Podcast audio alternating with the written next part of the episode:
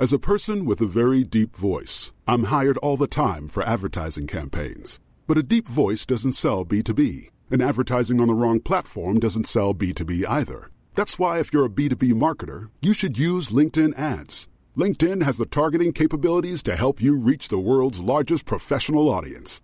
That's right, over 70 million decision makers all in one place. All the big wigs, then medium wigs, also small wigs who are on the path to becoming big wigs. Okay, that's enough about wigs. LinkedIn ads allows you to focus on getting your B2B message to the right people. So, does that mean you should use ads on LinkedIn instead of hiring me, the man with the deepest voice in the world? Yes. Yes, it does. Get started today and see why LinkedIn is the place to be to be. We'll even give you a $100 credit on your next campaign. Go to linkedin.com slash results to claim your credit. That's linkedin.com slash results. Terms and conditions apply. Worried you'll need to babysit your robot vacuum? Think again. Meet Eufy X10 Pro Omni Robot Vacuum with AI powered navigation to recognize and avoid over 100 objects. It's the winner of five Best of CES awards. And Digital Trend says it boasts almost all the same features as robot vacuums that cost twice as much. Want to know more? Go to eufy.com. That's EUFY.com and discover X10 Pro Omni, the best in class all in one robot vacuum for only $799. Introducing Wondersuite from Bluehost.com. Website creation is hard, but now with Bluehost, you can answer a few simple questions about your business and get a unique WordPress website or store right away. From there, you can customize your design, colors, and content. And Bluehost automatically helps you get found in search engines like Google and Bing. From step-by-step guidance to suggested plugins, Bluehost makes WordPress wonderful for everyone. Go to bluehost.com/wondersuite. Hallå hallå, välkomna till ännu ett avsnitt av Elbilsveckan med mig Kristoffer Gullin och med min eminenta poddkollega Peter Esse. Peter, hur är läget? Ja men läget är ju bra. Vet du varför läget är så himla bra? För att du är med mig? Ja, Själv, men jag... Riktig självgod här men... Ja, ja det är väl vet inte förstörde momentet här nu men... Vadå momentet? Du förstörde ögonblicket? Nej, jag skulle säga för att jag har fått umgås med dig hela veckan. Ja visst, vi har haft det så mysigt tillsammans. Franska rivieran och Provence och... Eh, finns det något, eh, något eh, lyxigt ställe i det området som vi inte har fått uppleva här nu när biltillverkarna har inte kört runt oss men lånat ut bilar som vi kan köra runt här. Precis, och det kommer ni få höra mer om i nästa avsnitt. Inte det här avsnittet, för det är embargos på dessa saker. Det ni kommer få höra om i det här avsnittet är ett eh, brev från en lyssnare gällande förra veckans Tesla-recension. Eh, vi har lite mer om Tesla-strejken. Vi, du har kört fast med din bil tydligen. Mm. Och så vill jag prata lite om Peugeot E208 och deras pris, nya priser på den bilen. Den är inte prisvärd skulle jag säga. Och sen så naturligtvis, jag har varit i Barcelona och kört Volvo EX30. Embargot på den bilen har släppt och vi ska prata om den såklart. Men först, som sagt, du hade fått ett brev. Ja, vi har fått ett lyssnarbrev här och eh, det låter som följande. Vill börja med att tacka för en bra podd. Elbilsveckan då, noterar han. Eh, blev medveten om er via en annan podd som diskuterar elbilar. Ni växer i mina öron varje vecka. Tack! Härligt, härligt! Han heter Peter också, så det är ett vackert namn. Jag var bara tvungen att kommentera senaste avsnittet angående recensionen av Teslan. Helt otroligt hur jag håller, håller med er båda på nästan inom, inom citationstecken alla punkter. Men kommer fram till en annan slutsats. Jag kan bli galen på vindustorkarna eller spökbromsningarna och andra egenheter som bilen har för sig. Men jag, men jag har egentligen inget emot att vara betatestare åt Tesla älskar ju att testa ny teknik och sådant. Jag känner ju dock fördelarna med det som är bra med Tesla. Vi, vi väger upp för det som är negativt. Även om det verkligen existerar. Jag hoppas det blir bättre. Och Han skriver också, ja vad vill jag säga med detta? Inget speciellt egentligen förutom att ja, det är kul att man kan dra samma slutsats och, och, och, och sen ham hamna lite olika, äh, annorlunda. Då. Och, och mycket riktigt är det ju så. Jag, jag säger också det att då, eh, Tesla är en fantastisk bil om man vill vara lite betatestare kan man ju säga. Ja, de gör ju nästan allt rätt med Model Y verkligen. Det är en väldigt praktisk bil, det är en ganska prisvärd bil. Det, det är liksom, var väl Euro NCAP som sa att det var en av de säkraste bilarna som man kunde köra. De har ju fått till så mycket med Model Y nu och det här med kvalitetskänsla och det som de har fått mycket kritik för, det skulle jag säga är inte ett jätteproblem längre. Det finns eh, andra bilmärken som har minst lika stora problem när det kommer till kvalitet som Tesla. Utan det är just den här Tesla Vision som förstör bilen för mig. Mm. Och det är mjukvara så det, det kan man lösa. Jag hoppas att de gör det. Ja, precis. Jag hoppas att de bara ge upp och sätta, sätta in en radar i bilen. Så att det funkar liksom eh, som, som andra bilar och inte blir, är så himla beroende av kamerorna. Och därmed så kan man sluta med sin vindrutetorkare-torkeri. Spökbromsningar är någonting som jag hade, jag bara haft två gånger. Jag har inte haft det någon gång på min Model Y än så länge, men jag har inte hunnit med, köra så många mil än. Det var ju det förra stora problemet ju. Som ja, jag pratade om. Precis. Som var läskigt. Och det verkar man ju ta hand Det har jag haft med på andra bilar eh, som också har de här väldigt mycket se brett åt sidorna och sånt. Och som liksom ska visa upp de andra bilarna i eh, ja, mittskärmen i det fallet. Eller, eller föra skärmen i många fall, men mittskärmen på Tesla. Och sådär. Jag för min del så befinner sig Tesla i, ett, i ett, en liten nisch där jag inte kan rekommendera den till någon just på grund av det vi har pratat om. Men det krävs ju så lite för att jag ska kunna rekommendera den till nästan alla. Alltså det är inte mycket som behöver göra. De behöver bara lösa den här tramset där de eh, tog bort eh, radarfunktionaliteten i bilar som redan har radar och de måste installera radar i de bilarna som inte har det. Och sen så har man ju löst väldigt, väldigt, väldigt mycket. Mm, det är säkert enkelt att eftermontera på alla Teslor. De spottar ut ett par bilar Ja, men så är det ju. Men det är ju säkert samma. Det, det finns, skulle inte förvåna mig om det är av ren enkelhet att det är framdraget och finns plats för det. Det är bara att det saknas liksom. För att man, man, har, inte, man har inte tagit fram några nya komponenter utan man bara tog bort dem när man, när man slutade. Däremot så borra dit parkeringssensorer. Det är nog svårare. Men det är där, det är där ett större problem eh, för folk som till exempel hela tiden ska in i parkeringshus och sådana saker. Det går ju faktiskt att parkera en bil utan eh, med hjälp av ens egna ögon. Då jag förstår inte vad du pratar om. man blir väldigt...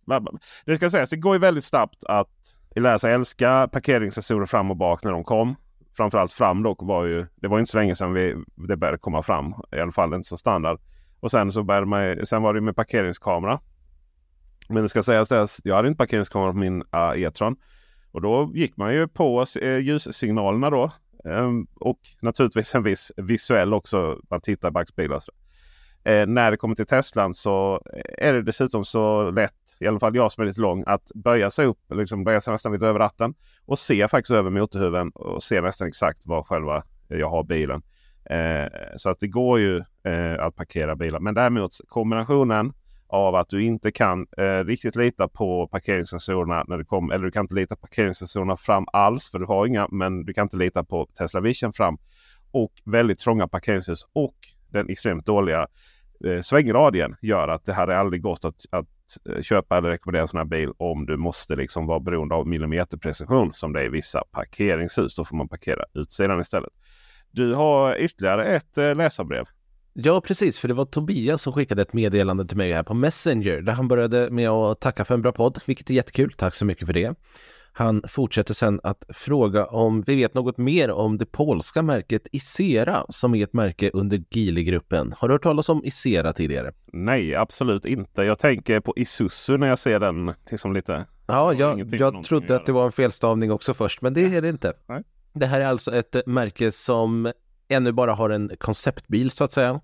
De har inte gått över till någon produktion än. Bilen är byggd på SEE A-plattformen från Geely då. Och man skryter med räckvidd på omkring 440 kilometer. Och jag har suttit och tittat lite på det här och jag har lite svårt att se det unika i det här märket. Eh, och ställer mig lite frågande till om vi behöver fler Geely-bilar verkligen. Det ser ut som en Mazda. Ingenting av det här som jag ser skapar ett intresse hos mig. Eh, som sagt, som du säger så är bilen lite eh, av Mazda. Jag tänker typ Mazda och Peugeot. Om de hade en bil tillsammans så skulle det här kunna vara den. Ganska generiskt tråkig. Eh, det står ingenting om när man kan förvänta sig att se en Isera på vägarna. Eh, jag kollar runt lite och någon gång eh, nästa år, runt 2024, så ska man verka ta steget från koncept till produktionsbil. Vi lär få reda på mer då. Men ja, jag är lite osäker på om vi det, det, det, ska vara om man tänker att det är ett europeiskt märke men samtidigt så är det ju i Geely-gruppen och då hamnar det på samma status som Volvo, Polestar och Seeker och gud vet allt vad de heter. Så att ganska tråkig bil såg det ut att vara. Ja. De behöver hitta sin USP tror jag. Det är många biltillverkare. Jag tycker vi är, vi är ju inne i en ny sån här eh, liten paradigm inom elbilsvärlden nu. Många biltillverkare har ju släppt fina men problematiska bilar. Och många biltillverkare börjar få ordning på de här problemen. Liksom börjar rätta till saker och det är liksom nya generationer eh, rena elbilar. Exempelvis kan vi ju... EX30 är ju ett exempel på att nu kommer liksom den rena elbilen från Volvo. Sen har vi det andra då. Det är att nu är vi också inne i det här där det är massa av små elbils elbilstillverkare eller aspirerande elbilstillverkare som hållit på ett tag med sina bilar och pratat om sina bilar. Och som nu måste liksom visa att man kan leverera de här bilarna. Mm. Eh, exempelvis Fisk, Ocean då, är ju sån. Eh, men, men också det här. Och, och då börjar jag fundera liksom, är tiden slut nu för att det ploppar upp nya elbilstillverkare? Ja, Kina, det kan ploppa väl upp nya elbilstillverkare varje dag där som vi inte känner till och så. Men min fundering är. Börjar tiden gå ut? Ja, exakt. Tack. det är ju så. Och, men jag, håller, jag håller med dig. Det känns som att nu har vi fått så otroligt många nya märken i Sverige och Europa. Eh, inte bara från Kina utan helt nya märken även här och de gamla tillverkarna försöker jobba i kapp och vissa lyckas, andra lyckas inte. Elbilsmarknaden kommer bli bara större, absolut. Börjar det inte mättas av, tänker jag. Mättas av och avståndet ökar ju från, mellan etablerade då som börjar få ordning på sina system och, och nya. Jag tänker till exempel på, det var länge sedan vi hörde något om Nevs Emily och det här projektet och det här liksom. Det, ju... det skulle väl vara klart i augusti och på den ja, vägen det. Mm. Nej, det, det, tror jag inte kommer bli något där baserat på den DN-artikeln som skrevs eh, som vi har länkat till tidigare. Ska jag igen att där börjar man känna att där det finns lite intressant och sådär. Nej, någon bil, någon bil kommer det inte bli utan med tekniken och så kommer väl anammas från någon annan. Men eh, det är nog tufft att, eh, att, att sätta igång. Och, och, min sista tanke runt, runt då de här Geely-bilarna och SCA-plattformen då som verkar vara väldigt... Det, det verkar gå att, att få ut bilar ganska omgående på den där plattformen. Då har vi nästa fråga. Vad är en plattform egentligen? bilar byggs ju för hand mycket. Eh, vad är då liksom? Man pratar om plattformar. Jag hävdar utan att egentligen veta någonting att plattform för mig det är tills motsatsen bevisar ett, ett långt Excel-dokument med vilka komponenter man kan använda. Jo, men så är det ju. En plattform är ju inte en fysisk platta så som det ofta visas upp i, i ja, liksom visuellt utan det är ju liksom en hög med komponenter som passar, som passar ihop. Förut pratade man ju om eh, om eh, bilar som hade gemensam bottenplatta. Det var ju verkligen Ja. Vad var den där bottenplattan. Så, nej, då är det ju plattform. Eh, så. Och då undrar man ju hur nära är man eh, färdig produktionsbil när, för att man börjar använda SCA-plattformen ifrån Geely. Man är nog närmare än om man ska liksom utveckla något själv från grunden. Man vet vilka komponenter som passar ihop. Man vet ju liksom vad man ska beställa dem ifrån och så vidare. Det ska ändå till att eh, byggas eh, bilar. Jag såg, eh, jag var på besök i Audis Q8-fabrik i Belgien. Och det som fascinerade mig där, där, där var ju att fabrikens flöde är ju om mer avancerade än bilen som det tillverkas. Och hur liksom de har byggt upp det och robotarna som står där och hela flödet och komponenter och självkörande små lastbaljor. Jag säga. Men alltså, det, det är... Inga EU-regler där inte. Nej, nej, precis. Det är så jävla bra. Nej, det är skitimponerande att se. Och, ja, det förstår jag. Det måste vara ja, riktigt häftigt. Ja, och hur de också Visst, man, jag vet inte liksom personalpolitiken där och så, men så som de, de själv pratade. som det är väldigt så här. Ja, nej, men sen personalen då som eh, inte längre orkar bygga bilar. För det är ju mycket tunga lyft och så, även om de har mycket hjälp och så.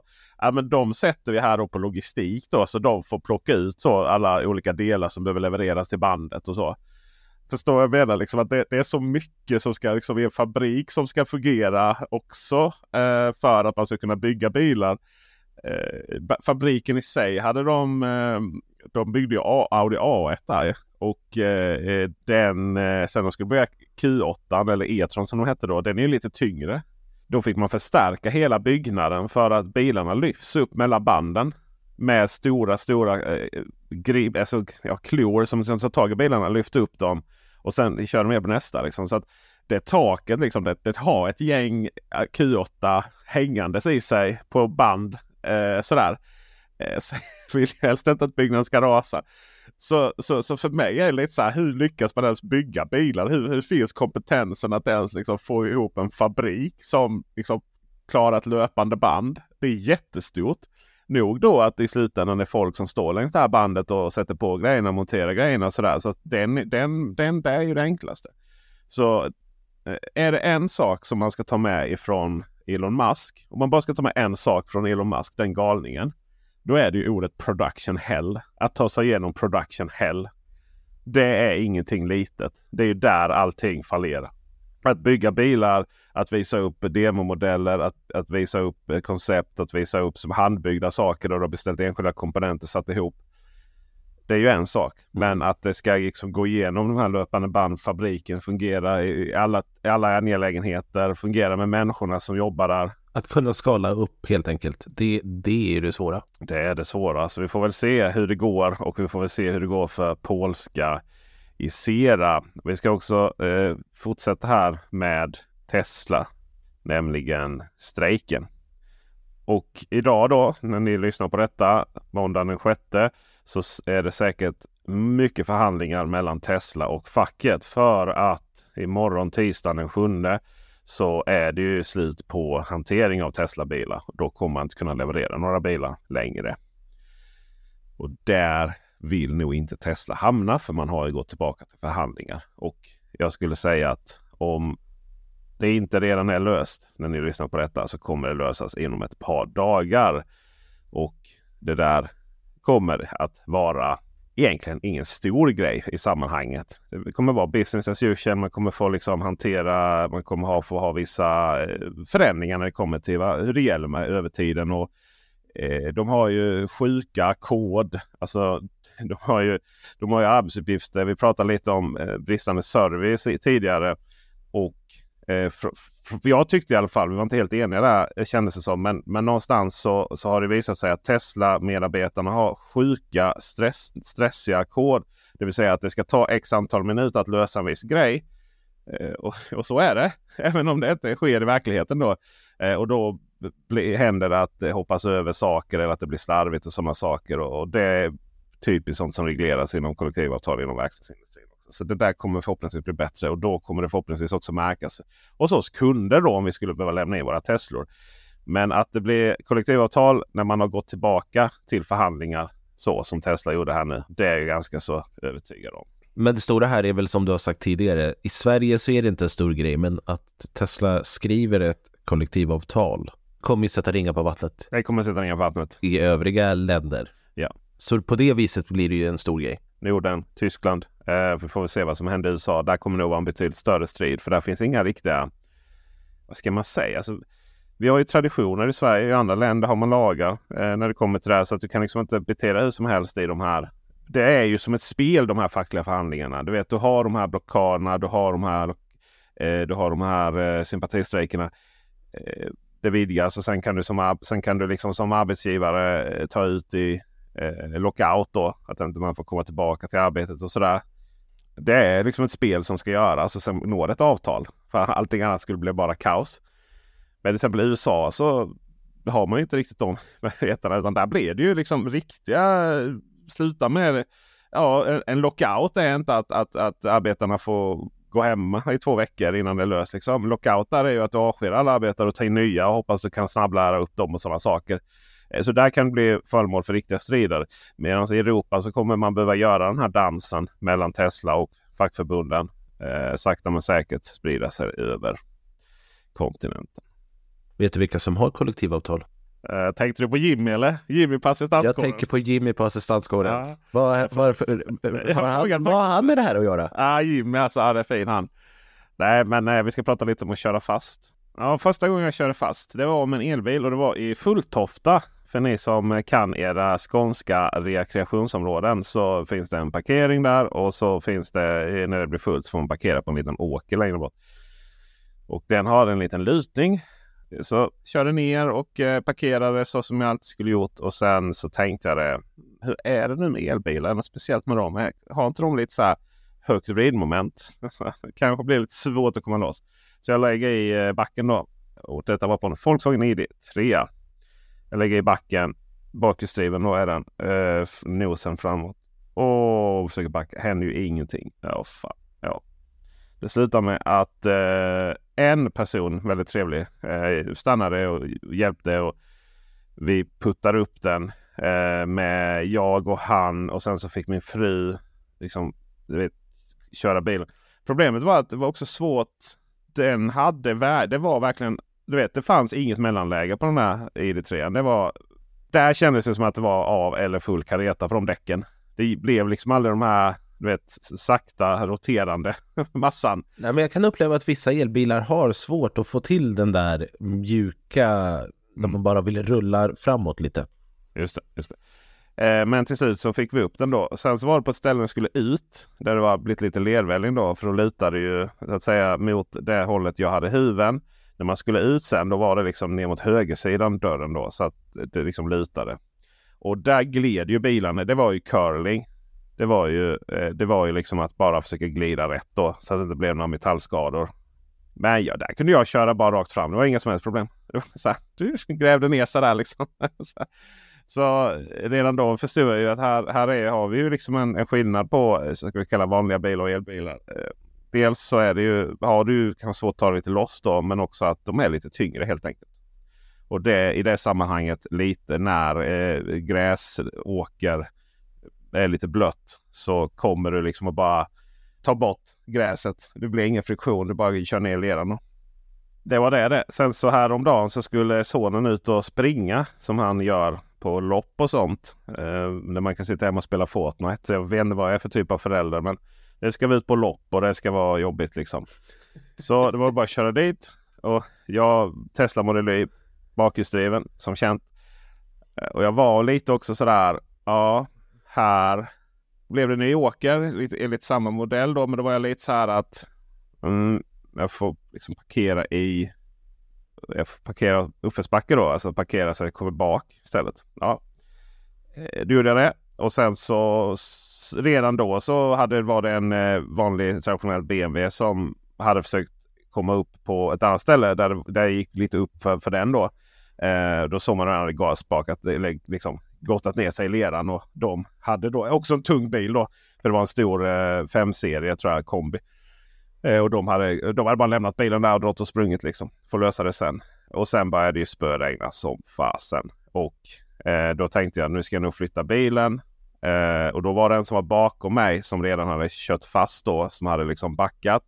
Och sen försökt komma fram eh, och fastnat. En Skoda Enyaq IV. Också bakhjulsdriven. Också bakhjulsdriven. Och då var jag tvungen och eh, då var jag helt enkelt tvungen att eh, köra fram istället. Och komma ner lite i en nedförsbacke och sen upp då. Tänkte kanske med tillräckligt mycket moment då så, så lyckas liksom bara farten komma upp på den andra. Men nej. Och till slut och så backade jag. kom jag lite där och sen till slut satt jag fast. Men eh, så då sket jag det. Lämnade bilen och drog då skulle eh, hämta upp min son och sen så eh, några kom, en annan kompis då som hade en annan bil. Och eh, så sa ni fått köra hem Leon så Eh, så får jag försöka ta loss bilen själv. Och först skulle jag försöka få bort deras bil som var exakt samma situation. Men det var ju bara jag och en till vuxen som eh, vi bara, du vet, ja, den satt ju också fast. Men vi bara puttade upp den liksom och sen så ja, körde lite, satt fast till och så bara puttade vi den. Ja okej, okay, men ska vi prova på med elbilen då också som med Teslan bara? Jaha, putta på det. ja, fyra pass var de som puttade på den här bilen. Den gick inte en centimeter. Det var bara hjulen bara, bara snurra, snurra, snurra. Den, den tar sig inte någonstans. Det går inte att putta upp den. Den är helt enkelt eh, för tung. Och då har ju Model Y också så slirläge då. Just för dessa tillfällen. Där när jag hade det läget då, då, då fanns det inte tillräckligt kraft för att ens röra. Alltså däcken, de var fast i leran då. Det ska också säga att eh, han eh, som hade skodan bakom mig. Han eh, var tittare eller lyssnare. Så är du lyssnare så Eh, kul, eh, trevligt. Eh, vi hade trevligt på åkern i alla fall. Och, och, och nästa gång eh, så eh, nästa lopp om du ser mig så kom fram och snacka lite mer. det var att, jag var också så gärna, du vet, man var så fokuserad på sin uppgift så, så man var kanske inte liksom så här, ja tjena, jättetrevlig sådär. Jag fick lite dåligt samvete sen när det visade sig att han visste vem jag var. Så. Men, men eh, eh, vi, vi, vi satt alla på åkern då. Sen till slut så var det helt enkelt så att Jo, så postade jag detta då och det, folk blev så arga liksom. Det här att jag skulle insinuera att elbilar var mer utsatta för eh, den här problematiken än andra bilar. Men det är ju så. det kan vi inte komma ifrån. Det är, dels har vi som ID3 då det här att det kan vara svårt att få rätt, eh, rätt eh, moment ifrån då så att däcken inte bara alltså, går för aggressivt ner i marken. Men framförallt så är det ju tyngden. De är mycket tyngre bilarna helt enkelt och då är de mycket svårare att helt enkelt med mankraft få bort. Då. Ja, mjuk lera sådär, då är ju tyngd ett riktigt ont. Och väger bil, har du ett batteripack som är, väger 4, 5, 600 kilo. Alltså elbilen är tyngre, det går inte att komma ifrån. Det går inte alls att komma ifrån. Eh. Och då hade vi, måste jag ge shoutout till Jimmy då på assistanskåren. Va? Uh, för vad gör du om, då var det väl, jag såg, jag såg redan då eh, i, i början att någon hade tryckt på sin, uh, sin assistansknapp på bilen och så hade det kommit en bärgare. Och så hade jag en tanke, okej okay, då har bärgaren kört in och så hade den kopplat då runt en sån, en sån här krok runt uh, själva dragkroken då och sen med, med en, en vinsch flytta bilen då. så, att han, så att bärgaren satt själv i, i bilen, styrde den och sen så tog liksom bärgarvinschen då och sakta tog bak den. Och då flyttades den bilen. Då tänkte jag, hur fan ska bärgaren komma ut? Tänkte jag. Vem bärgar bärgaren? Jimmy. Jimmy på assistanskort. Det var alltså inte Jimmy som körde fast. Jimmy, denna, denna, denna skänk från himlen då från assistanskåren. Uh, han... Uh, för jag lämnade uh, Teslan och drog hem då med de andra. Tänkte jag få lösa det här imorgon då. Eh, sen så ringde då han och sa att är det din Tesla? Ja, men jag står här och liksom ska ta bort så många bilar jag kan. Då. Okej, så då kom, kom jag, drog jag dit och då stod han där med en traktor. Då hade han ju, då hade han ju kommit då med stora bärgarbilen. Inte heller velat dra ut den på eh, där. Även de är rätt tunga va? Även om de har större däck. Så då drar han hem till sitt, till liksom sitt eget hem, var nu han bodde. Lastar sin egen traktor, en gammal Ferguson. Eh, som du inte ens kör på allmän väg direkt och eh, kör dit och sen så börjar då ta, ut, ta, ta bort de här bilarna med, eh, med traktorn. Helt enkelt funkar jättebra. Eh, och han, hade, han behövde inte bärga så många bilar för det var, eh, det var eh, de som stannade kvar, de flesta, de fick hjälp genom att mm, det helt enkelt eh, gick runt folk med träpinnar då, eller trä. Eh, det är ju klassiker. Om du ska ut på, om du ska ut på Möllan ha liksom lite träbitar i, i bakgrunden. kommer man ju alltid på för liksom. sent. Ja precis. Jag provade bland annat bland plastgrejer men de bara, det var samma sak där. Det blev, liksom, det blev ingen friktion på dem. Eh, så, men, men det var ju också, det var ju också så här, snacka om lösningsfokuserat. Liksom. Eh, lägga upp bilder på, i, i tråden här på elbilsveckan. Eh, men det är ju så. Tyngd på, tyngd på um, och lera är två saker som är dumt. Och det ska också sägas att det var någon som här. Folk, folk ska bli också så här lite så här. Jag vet inte. Det ska pekas finger också. Ja, då får man skylla sig själv om du kör ut på den, eh, gräs, eh, gräsplanen. Eller så. Ja, jo, så, nu försökte jag ju parkera på eh, grus då men blev bortvikad då för då anses det vara fullt. Så jag parkerade vid anvisad. Men det är också så här, det spelar liksom ingen roll varför man befinner sig i den situationen. Anledningen att vi pratar om detta är ju just för att ni ska veta det att eh, om ni har stora bilar, tynga bilar, så eh, Tänk då på att eh, försöka hålla er borta från eh, sluttande även om det är väldigt lite. Det, det, krävs knappt mätbar sluttning för att det ska bli ett problem. Och ibland inte alls kanske någon sluttning. Och tänk också på att detta ingår inte i assistansavtalet. Det är väl kanske viktigaste, eh, viktigaste att tänka på. Om du trycker på assistansknappen på bilen, eh, för det ingår i samma mobilitetsgaranti. Då eh, kommer bärgaren men du får betala självrisken för försäkringsbolaget. Ja precis, det här blir ett försäkringsärende på det, Just det, på det precis. Eh, för att eh, du har ju viss mobilitetsgaranti. Så att, och, det är lite roligt om du klantar dig och, och kör slut på batteriet till exempel för att du typ är oansvarig och inte laddar bilen. Eh, då gäller mobilitetsgaranti så att eh, då ingår det eh, i vissa avtal. Men om du liksom blir anvisad en, en gräsplätt och kör fast, eh, då är det 1500 kronor självrisk. Så är det. En kul grej när det kommer till eh, att bärga elbilar. Om man skulle få tomt på batteriet och behöva bärga på, av den anledningen. De flesta mm, försäkringsvillkor eh, säger att man eh, får bli bärgad eller att man får hjälp när tanken är tom. Eh, det var kanske inte skrivet menat för elbilar en gång i tiden, men många försäkringsbolag håller kvar vid det. Så det är ju schysst. Så att man kan få bli upphämtad utan större problem där. Men det blir ju mobilitetsvillkoren som gäller då. Köra fast det, det, det, är bara att gilla läget där. Det är bara att gilla, gilla läget, ja precis. Enda gången jag kör fast med elbil och det inte var med flit så det var ju med en pressbil så den avgiften tog ju Kia. den, den slapp jag. du har inte blivit pikad på det någonting här? Nej, ingenting. Nej, nej, nej precis. Eh, ibland så har man ju avgifter för laddning. Det är rätt ofta så att man, eh, man helt enkelt går till en laddstation och så blippar man sitt kort eller man trycker sitt abonnemang och så får man betala för det. Eller hur? Det är väl den normala rutinen. Det får man väl säga. Det är sällan det är gratis nu för tiden. Mm, det är sällan gratis någonting. Det kunde man tro kanske. Eh, för att ibland så hände det så här i somras att eh, vi, vi som laddade med LD, vi fick ingen faktura. Så det var ju billigt och bra. Eh, detta har nu LD kommit fram till. Jag visste faktiskt inte att jag hade laddat inom citationstecken gratis. Men jag vet att det är folk som liksom har, jag fick så här. Ja men jag har fasen det konstigt dras inget. Det är jättekonstigt. Men eh, det har nu Ellie kommit fram till. Så att om ni har fått eh, e-post som dessutom hamnar i min skräpkorg från Ellie. Om att eh, det är att det är helt enkelt eh, att man har missat att dra så är det korrekt. Det är ingen spam. Men det är ju också pinsamt för Ellie som har haft lite olika problem på olika sätt. Att missa att ta betalt och sen ska komma och ha, ta in i mitt fall 2400 kronor i efterhand. Detta var i juni då som man missade detta för mig. Så som er information där, det är eh, bara att betala. Det är väl också lite sista skriket från Ellie tänker jag. Mitt går ut om en och en halv månad och efter det vet jag inte riktigt kolla, vad jag... Kolla på klockan alltså, om fem minuter är det borta. jag vet inte riktigt vad jag ska göra efter det. Alltså mina långresor Nej. kommer ju bli snordyra. Jag kommer inte ha råd att fortsätta köra dem. Alternativt Nej. att man bara ska ladda på Tesla, men det är ju inget roligt ja. heller. Fast nu är ju Tesla, om man kollar här nere, så nu börjar det ju gå upp där igen i och med att de är så snabba att anpassa efter priser och så. så Eh, nu så är det dyrare att ladda eh, på Tesla här nere i södra Sverige än på exempelvis OKQ och Circle K ibland. Och det kommer nog bara gå bli dyrare där också. Eh, så att det här att Tesla är så superbilligt som vissa också så här, som, sa som att någon form av konstant faktum. Det stäm, stäm, har ju stämt i några månader här nu. Egentligen sedan i tidig somras då.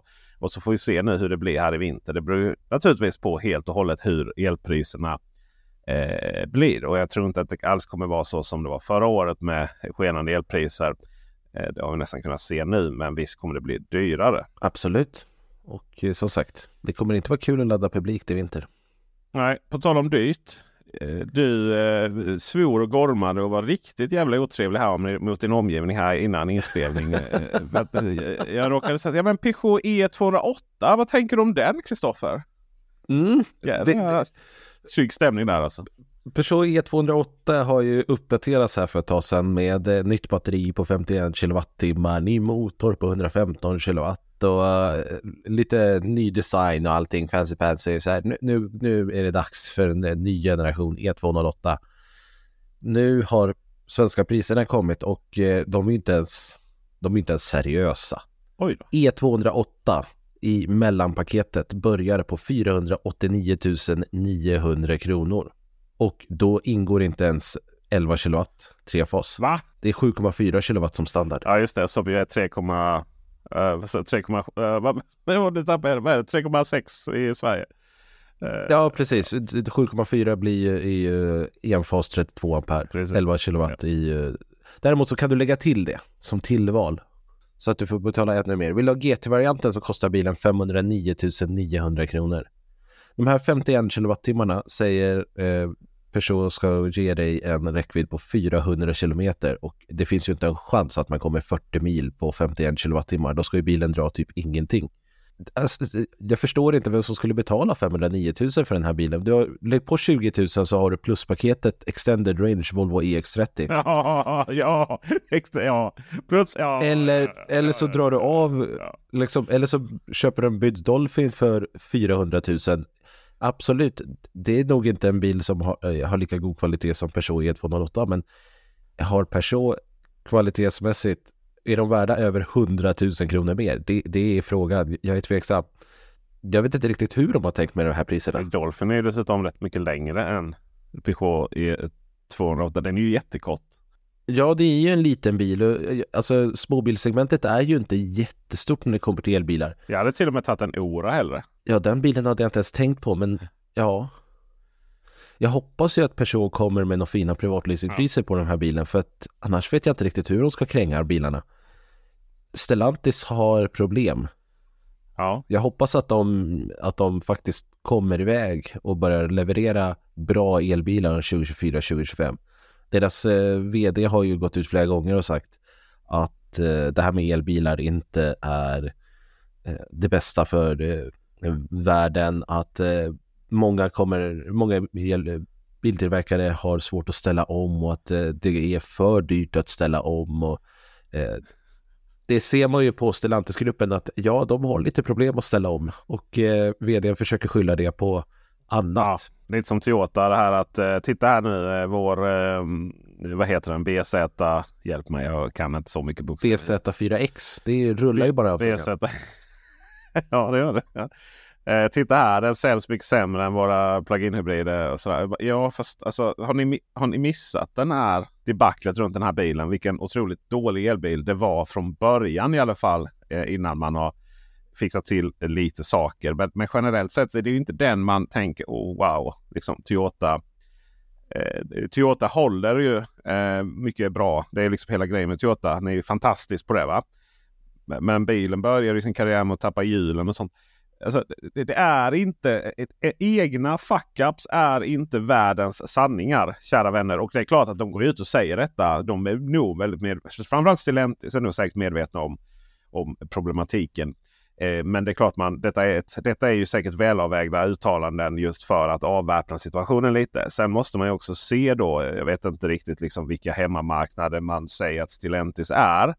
Men för mig är ju Stellantis Italien liksom. Jo, det är ju mer eh, mellan Europa, södra Europa än det, De jobbar ju väldigt mycket med små bilar och det jobbar ju inte vi Nej. med i Sverige här. Vi vill ju ha stora SUVar som eh, kan åka 100 mil med husvagn bakom. Tänkte du det nu när vi var här i Frank södra Frankrike att bortsett från eh, rätt mycket taxibilar och, och hyrbilar på flygplatsen i Marseille så i eh, Saint-Tropez och Nice och, och där, det, det var inte mycket elbilar man mötte på gatan. Alltså. Nej, verkligen inte. Det var väldigt få, alltså även vissa märken såg man ju knappt. Det var väldigt lite Volkswagen, eh, Volvo och hela det som vi ser varannan Mm. bil här uppe. Det, det, det finns ju inte där. Det är Man väldigt ska mycket. nog vara, man ska nog, Fiat, ja, gud ja, gud ja. Man ska nog vara, man ska nog förstå var sådana här uttalanden kommer ifrån. Det kommer från en värld som inte är Norden. Sen samtidigt så är det ju inte så att elbils så här, förändringen, elektrifieringen, att den på något sätt håller på att ska stanna av eller så.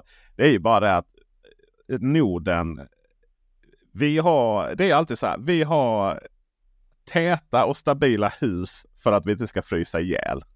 Vi, vi har, vi har liksom nya dyra bilar för att vi inte ska köra fast. Ja, om man inte Peter Esse bor i Skåne. Eh, vi, vi, vi, är, vi byter ju ut. Vi har liksom just när det kommer till sådana saker, just när det kommer till den här praktiska överlevnaden i vardagen så är vi ofta ganska så här framåt då just för att eh, det är kallt och jävligt här uppe. Och därför så är vi ju, det handlar liksom inte om att vi har andra, andra behov utan det handlar om att vi ofta är ganska tidiga då. Och naturligtvis också det ekonomiska, att klara detta. Vi är ju extremt rika. Jag tror att man måste liksom förstå det när man sitter och, och tycker att det är så synd om en själv och allt är för jävligt. Att vi är bland de rikaste. Även en, en svensk normal medellön, då är man bland de rikaste i världen. Inte bland de 2 eller 3 procenten rikaste i världen, men absolut de 5 procent rikaste i världen. Däremot så är det ju naturligtvis så att de här länderna där nere ännu mer kanske behöver elbilar. Eh, dels så har vi ju det här med att de har mycket tomgångskörning för att hålla igång AC'n där nere. För det är så jävla varmt. Eh, där är ju elbilarna fantastiska. Du, eh, miljöakklimatiseringarna. Eh, sen så har du ju, har du också det här att eh, värme lika med eh, sämre miljö. Utan mer folk på mindre yta också. också så är det eh, smutsigare städer. Ja. Man ska ju veta det att eh, vi har ju väldigt ren luft i, i Sverige och Norden. Eh, men när det kommer till den här eh, fashionabla, underbara, fantastiska staden Malmö och södra Skåne så händer det att eh, eh, de här värdena går över eh, tolerant, to, to, eh, alltså nivåer som är okej okay då. Går över gränsvärdena då. Och det har att göra med att Malmö, det har inte att göra med att Malmö har mer trafik än Stockholm och Göteborg. Det har det verkligen inte. Det är så här, när, vi, när vi pratar om trafikkaos då pratar vi om liksom 16.30 till 17 då och typ på två gator. Liksom. Eh, men eh, det är just värmen som är ofta här, här nere mer än i övriga landet som skapar dessa problem. Tänk då hur det är liksom man kommer ner söder i Italien, Grekland och och ännu mer söderut sen då. Va? Och, och sen då ska vi komma in på andra världsdelar. Men så, så det behövs och eh, biltillverkarna som inte förstår det, de är nog illa ute. Och Peugeot däremot är väl en fråga om det där priset beror på den extremt eh, eller svaga va, svenska kronan. Det är inte helt omöjligt att det gör.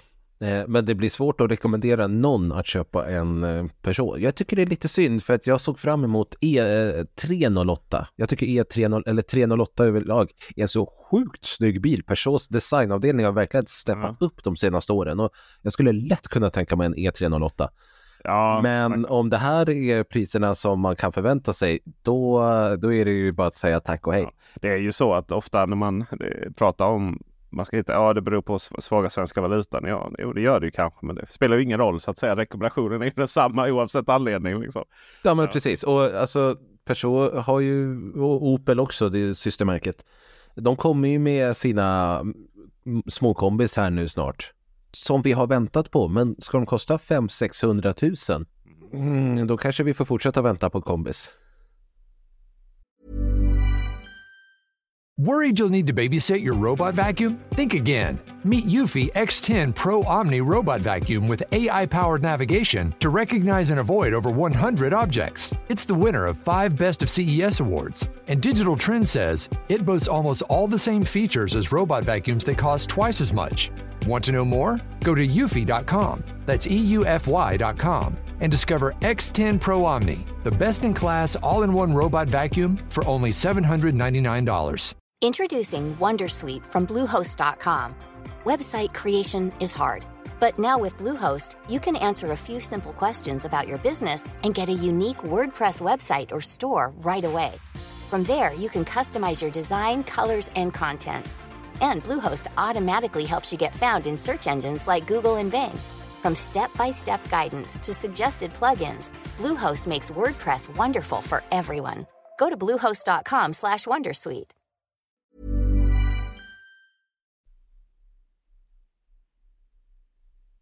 Men vad vi då inte behöver vänta på, Kristoffer Gullin.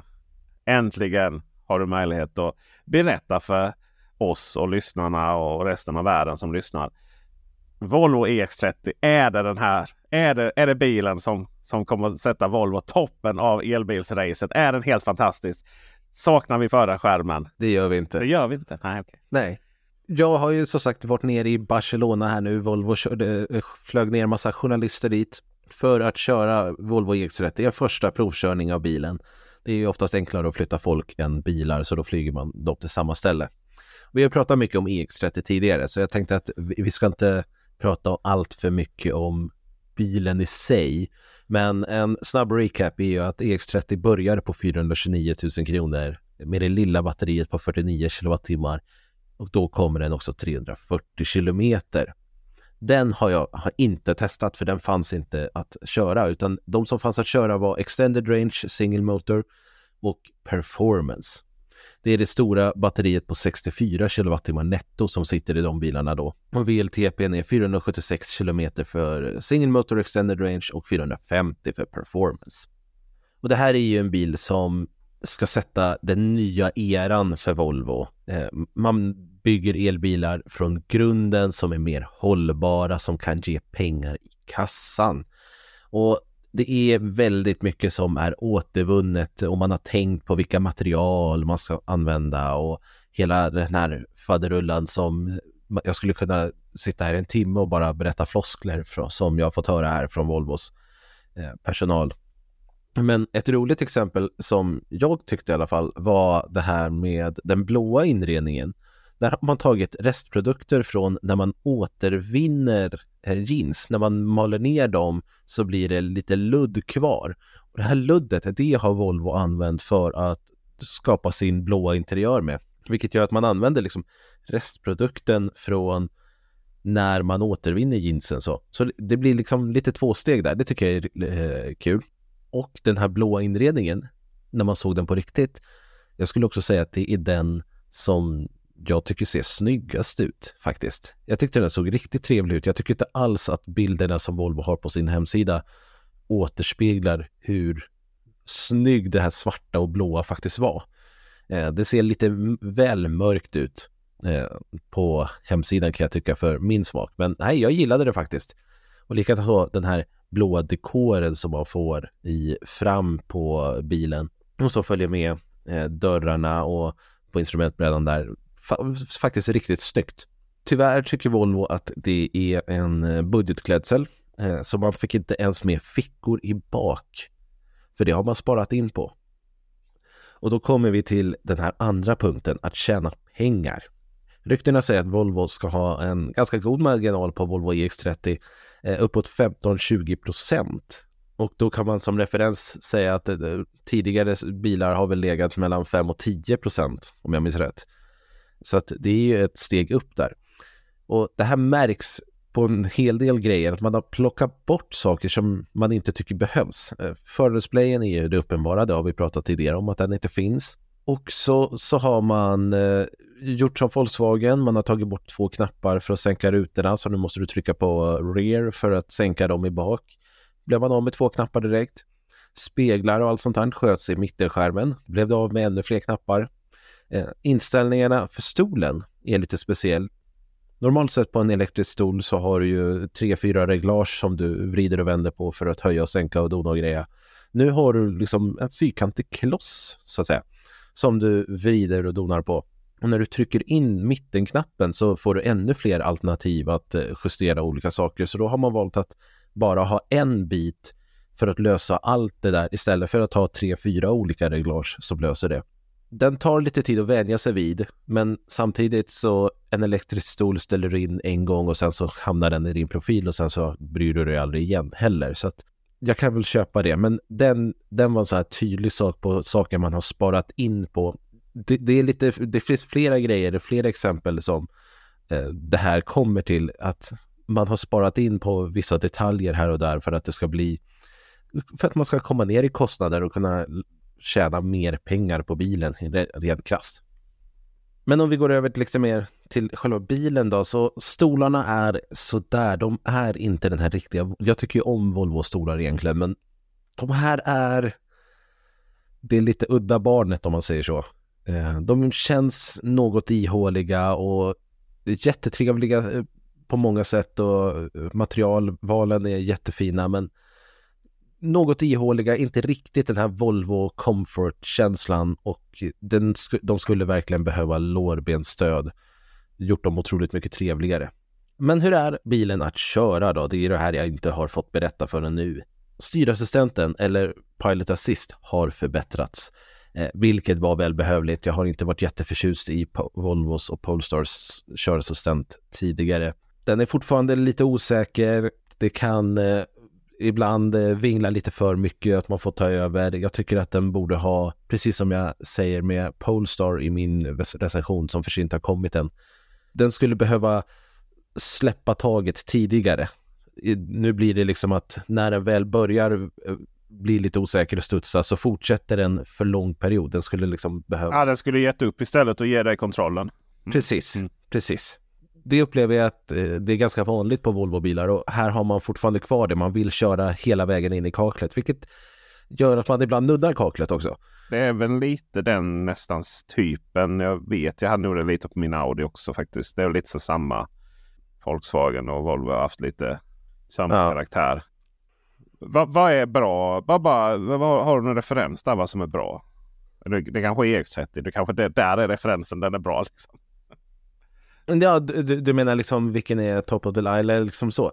Alltså, ska du bara ligga i, i linjen så tycker jag att Tesla gör det bra. Om du bara ska lägga linjerna.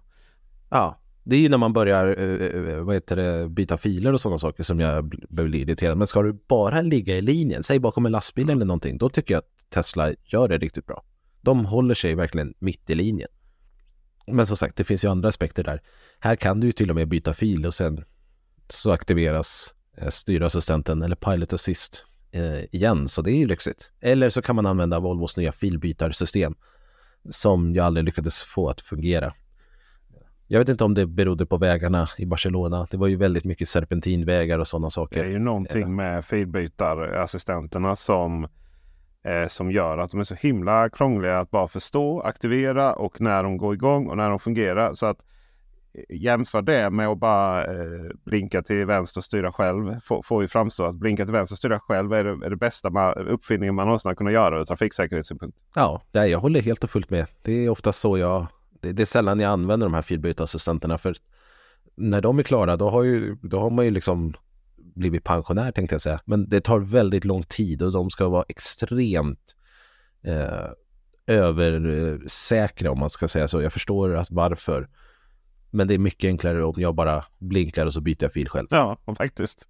Det är så. Och sen så aktiveras det styrassistenten igen. Det är ju det att själv med sina sinnen och sin eh, ganska, ganska avancerade dator i skallen din är ju, din, du har ju turboknappen intryckt. Jag är ju från Blekinge så jag, jag går lite långsammare och så. Jag är mer eh, 486. Men alltså den här eh, på vägar. Det är rätt snabba beslut och rätt mycket så här. Det är inte så att du, du det är inte så att du tänker så här. Okej, okay, nu kollar jag bak i backspegeln för att se så det är en riktigt stor möjlighet att köra. Nu trycker jag liksom höger spak eller vänster blir det ju blinkers oftast. Eller en knapp på ratten. Och så kör jag sakta ut. Så, ja, det känns tryggt. Okej, okay. så kör jag lite förbi och så gör jag samma manöver till höger. Det är ungefär så långsamt de här assistenterna går. Eh, ja. Och någonstans där så också avbryts det gärna om man inte är, liksom om det inte allting är tryggt. Men eh, liksom en, en omkörning, eh, till exempel eh, när jag var i Tyskland här nu så var jag lite ovan. Jag tar på mig den. Men de, de har så de har extremt korta, eh, om du kör upp, ska köra upp på motorväg. Så ibland har de så extremt korta avfart, eller utfarter menar jag. Och det var verkligen så här, du vet, det var liksom en sekund för att säga shit den här bilen ska ut på min högersida. Nästa sekund, oj det är nu. Jag vet inte ens om vi är uppe i tre sekunder nu. Jag kollar, rätt. Okej, okay, jag är vänster. Jag kollar, bara, jag kollar liksom eh, både eh, backspegeln och eh, snett om. med det här som tar någon vinkel. Sekund tre kanske. Och konstaterar att ja, men jag har liksom en billängd plus någon meter till att parera det. Bara blinka ut, bara dra i vänster, anpassad hastighet. Bilen på höger kan köra ut.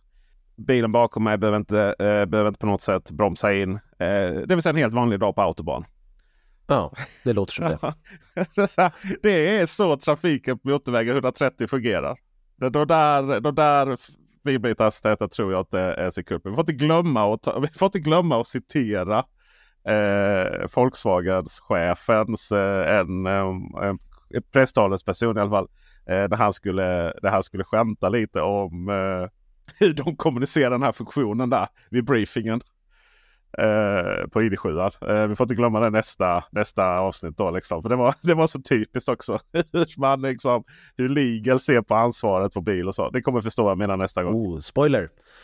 För jag hoppade först in i en single motor extended range, men kändes otroligt ryckig och otrevlig att köra. Den var inte alls... Otrevlig alltså? Det ja, men alltså, det, men det var den känslan man fick. Wow! Jag, jag återkommer till det. Ja. Jag hoppade istället in i en performance med, och performance det är ju den med dubbla motorer och AVD, gör 0 till 100 på 3,6 sekunder och där.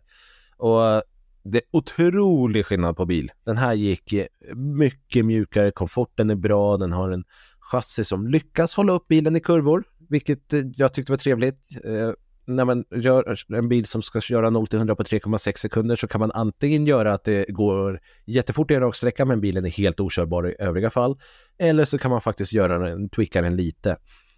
Och det, Volvo verkar ha tweakat det så att eh, bilen ändå går att köra eh, lite roligt med och aktivt om man ska säga så. Just det, för den, den, den har ju, det är Volvos snabbaste bil säger de 3,6 sekunder. 3,6 sekunder är jätte, det, det, är bara siffran man pratar om det, men det är jättemycket eh, åksjuka där om man ska ha referens.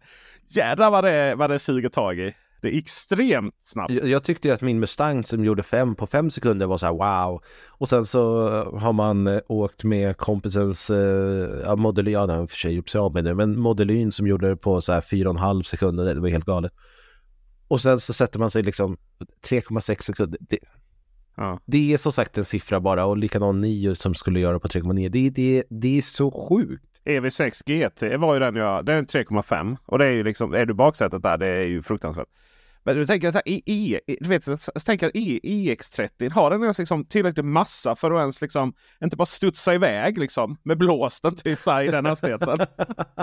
Känns så jädra otryggt att dra iväg där liksom. Det är som att sitta på en cykel bara vrum. Jag lovar, det är inte ett problem. Bilen väger fortfarande ganska... Den är ju under två ton i alla fall, men det är fortfarande en ganska tung bil.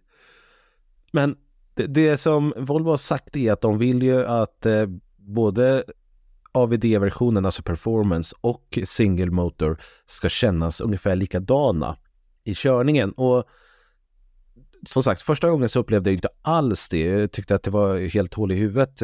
Men sen så körde jag en annan, dagen efter, en annan single motor standard range, extended range, förlåt.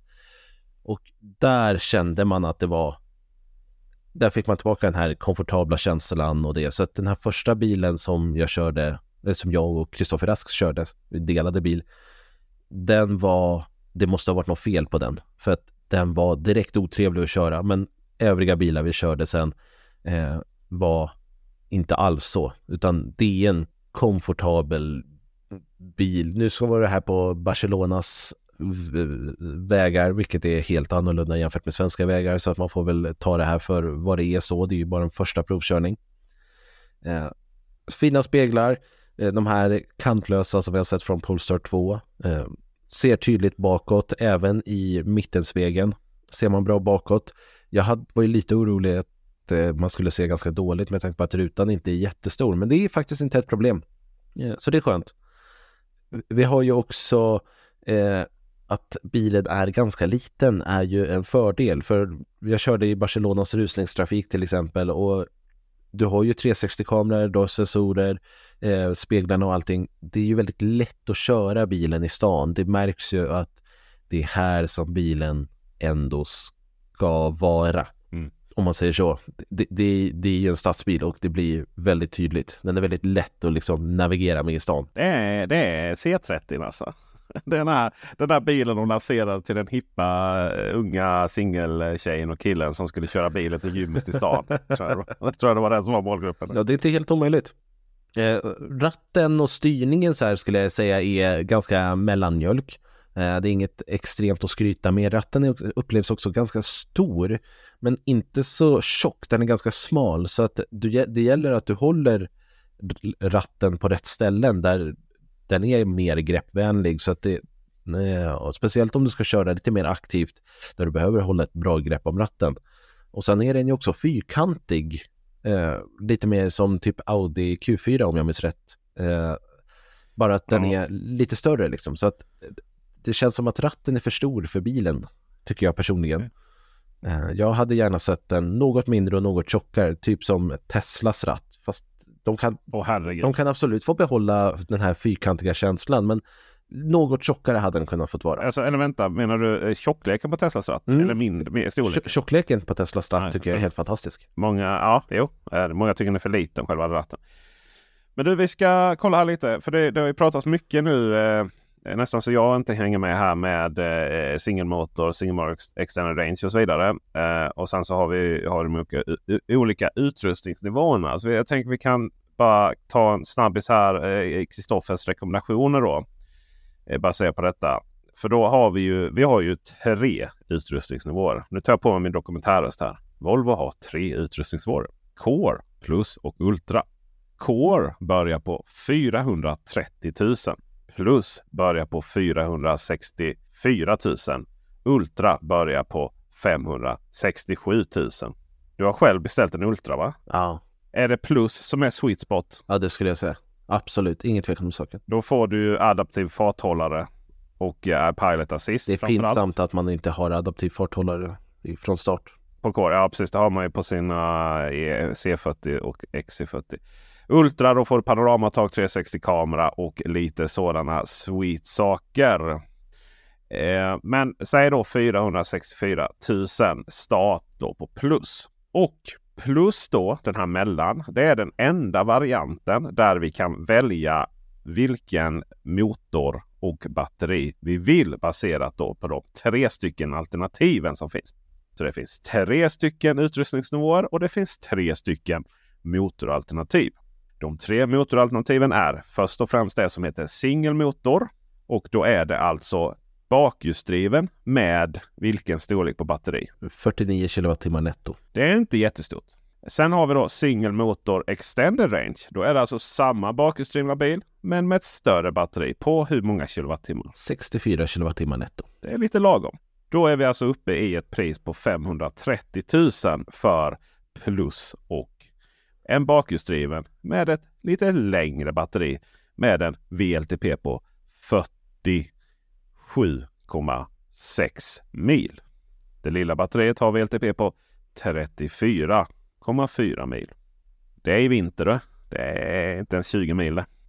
Det som är värt att komma ihåg är också att värmepumpen är standard om man har det stora batteriet och inte det lilla. Jag tror ju personligen att en plus extended range för 530 000 kronor, det kommer liksom vara där har du mest bil för pengarna. Där har vi mest bil Men för pengarna. Mm. då är vi uppe i 530 000 igen och eh, absolut, det jag skulle säga att det är en bättre deal än att köpa en Peugeot E208 men det är fortfarande väldigt mycket pengar och det är inte den här billiga bilen som Volvo pratar om. Utan Nej. de har ju verkligen Core och det lilla batteriet för att ha ett bra frånpris. Mm. Men sen så blir det ganska dyrt när man börjar lägga till saker.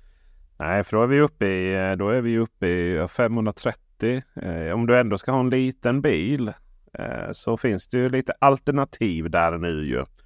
Eh, vi jämför ju lite med Byd Dolphin.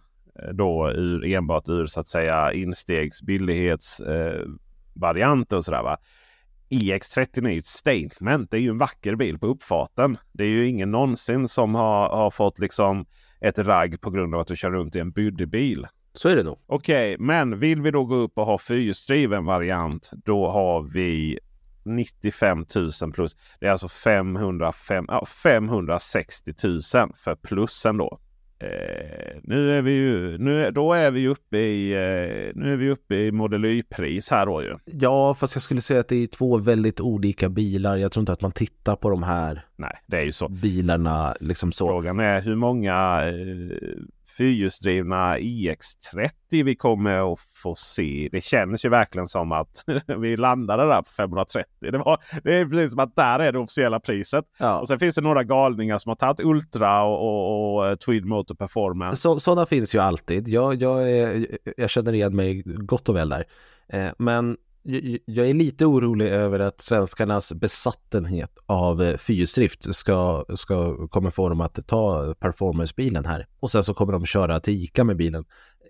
Jag skulle verkligen säga det eh, om och om igen. Fundera verkligen på om du behöver AVD. Med största sannolikhet så kommer du inte behöva det och då är det bättre att spara de pengarna. Bakhjulsdrivna versionen är jättefin att köra. Du har den här bakhjulsdriften som puttar på dig och den, den är jättetrevlig. Det finns absolut ingen anledning att välja AVD om du verkligen inte måste ha AVD. Och eh, jag tror att majoriteten av de som säger att de måste ha AVD inte måste ha AVD. Framförallt på en stadsbil som det här ändå är. Okej, då har Kristoffer Gullin gett oss två alternativ. Då har vi alltså plus-versionen med bakhjulsdrift och det stora batteriet på 530 000. Eller om vi vill ha panoramatag, 360 kamera, vilket vi kanske vill ha också. Även viss parkeringsassistans som vi väldigt sällan använder. Men vem vet, vem vet om den är bra. Den är bra. Det var härligt. På fem, 567 000. Alltså 530 000 eller 567 000. Volvo själva trodde ju också att den här Plus Extended Range Single Motor kom för 530 är ju den som kommer gå som eh, bäst. Eh, och det kan jag mycket väl tänka mig. Tänk också på att eh, ramavtal, tjänstebilsavtal och sånt ger ju rabatt. Tänk också att du får rabatter hos återförsäljarna. Vad Volvo än säger. De vill ju egentligen gå över till agentmodell Volvo. Så att det är de som sätter priserna helt och så är återförsäljarna bara showroom och leverans. Det är rätt dyra mm, Care by Volvo-priser på den här bilen. Jag förstår inte riktigt varför man har lagt, alltså bilen börjar på 6 000 kronor i månaden. Nu menar ju Volvo på att ja, men då ingår vinterdäck och försäkring och allting sånt, jada jada. Absolut, men det är väldigt mycket pengar för en, för då får du det lilla batteriet och den lilla utrustningsmodellen. För, för, va? För sex? För 6 000 kronor och 1000 mil per år. Det, det, 4 000 kronor, fine, men 6 000, jag förstår inte riktigt. Så att det här är en bil som man nästan borde köpa. Ja, nu tar jag, går jag tillbaka till min Ora här vet du, istället. Ja, den kan du ju få för 3000 kronor i månaden mm. i privatleasing. Jag tror att det är exklusive försäkring och sådana saker då, men det, kom, det kostar ju inte 3000 liksom i månaden extra. Mm. Det, det, det, är, det är en väldigt dyr bil för att vara en billig bil om du förstår vad jag menar. Och hade den här bonusen funnits kvar, då hade den här bilen kostat 4000 kronor i månaden. Mm, jo, fast den... Oh, fine. Det hade, fine, okej. Okay. Eh, men om man skulle vilja vara maximera liksom allting nu så om man vill ha Ultra, man vill ha performance, man vill ha dragkroken och så vidare och så 2000 mil om året. Så som jag har konfigurerat min, då kostar den alltså inkmoms 11 500 kronor i månaden. Det är jättemycket pengar för en bil. Du kan få en Nio ET7 för 9190 inklusive gratis batteribyte. Och då är det luftfjädring och ja, det är bilen är fem meter lång. Ja. Det, Alltså det, det, det är, där får du dra 2000 kilo dessutom. du har uppgraderat och numera så suger inte mjukvaran då så nu plötsligt är det en bra bil. Nej men precis så att det, eh, det blir svårt att säga att man tar den här bilen på Care by Volvo för det är jättedyrt. Gå till återförsäljaren, ta finansiera via vanligt lån. Det finns ingen finns, privatleasing, finns, har, inga, har få eller inga fördelar i dagsläget. Andrahandsvärdet på en Volvo EX30 behöver man inte vara orolig för. Det. Jag Nej, jag tror faktiskt inte att man kommer behöva vara det. En Volvo i Sverige kommer sälja på Blocket inom 24 timmar. Liksom. Det, är, det är det de gör. Det är ju, det är ju ja, wow. Ja, men det är ju naturligtvis en jättefin bil och eh, sådär. Eh, jag får valsa in på showroomet i Kungsträdgården och faktiskt, jag har aldrig sett den i verkligheten. Mm. Nej, det, som sagt, du får väl titta på Elbilsmagasinet på Youtube. Jag får göra det. Då, då är, det är ju så nära verklighet man kan komma, men det är fortfarande, fortfarande inte verkligheten. Det är just intressant också det här med eh, det här liksom hur vissa saker då ser mycket bättre ut i verkligheten. Mm. Interiören till exempel då. Även om jag är säker på att du kunde filma den bättre än Volvo. Men det är ju just det vi ska göra nu. Vi ska ju gå in på elbilsmagasinet.se eh, kan man ju kolla men också på Youtube framförallt och titta på denna recensionen här nu. Det ska bli otroligt spännande att se den. Kristoffer eh, Gullin. Och skulle ni också vilja kolla in några av mina videos då och då eh, så finns ju jag på Peter Esse då som, som kanske känt. Men framför allt så vilken aktivitet vi har fått på elbilsveckan.se. Det är där jätteroligt. Vi lägger in och bäddar in den här videon där också. Och, och länkar och, och på, på, och bilder på traktorer och, och sådär. Eh, så gå in på elbilsveckan.se, registrera er där så fortsätter konversationen. Skulle ni vilja mejla oss så finns vi på info.elbilsveckan.se. Och vet ni vem som är kanske den viktigaste människan för den här podden ändå? Dennis Klarin. Dennis Klarin, ljudtekniker Dennis Klarin. Din hjälte. Och vill ni vara med och finansiera Dennis Klarins legoberoende så kan ni eh, också då bli eh, betalande medlemmar här. Det heter det inte utan betalande lyssnare. Eh, och på så sätt så slipper ni då reklamen. Länkar till det finns på erbjudsveckan.se och här eh, så i poddbeskrivningen. Och nu börjar min granne borra i väggen och det betyder att vi avslutar detta. Ha det gott allihopa så hörs vi och syns vi nästa vecka. Och glöm inte att se Kristoffers eh, video här nu. Kanske den kanske kommer den mest visade videon på din kanal. Det får vi allt se. Jaha. Vi hörs nästa vecka. Hej! Hej på er!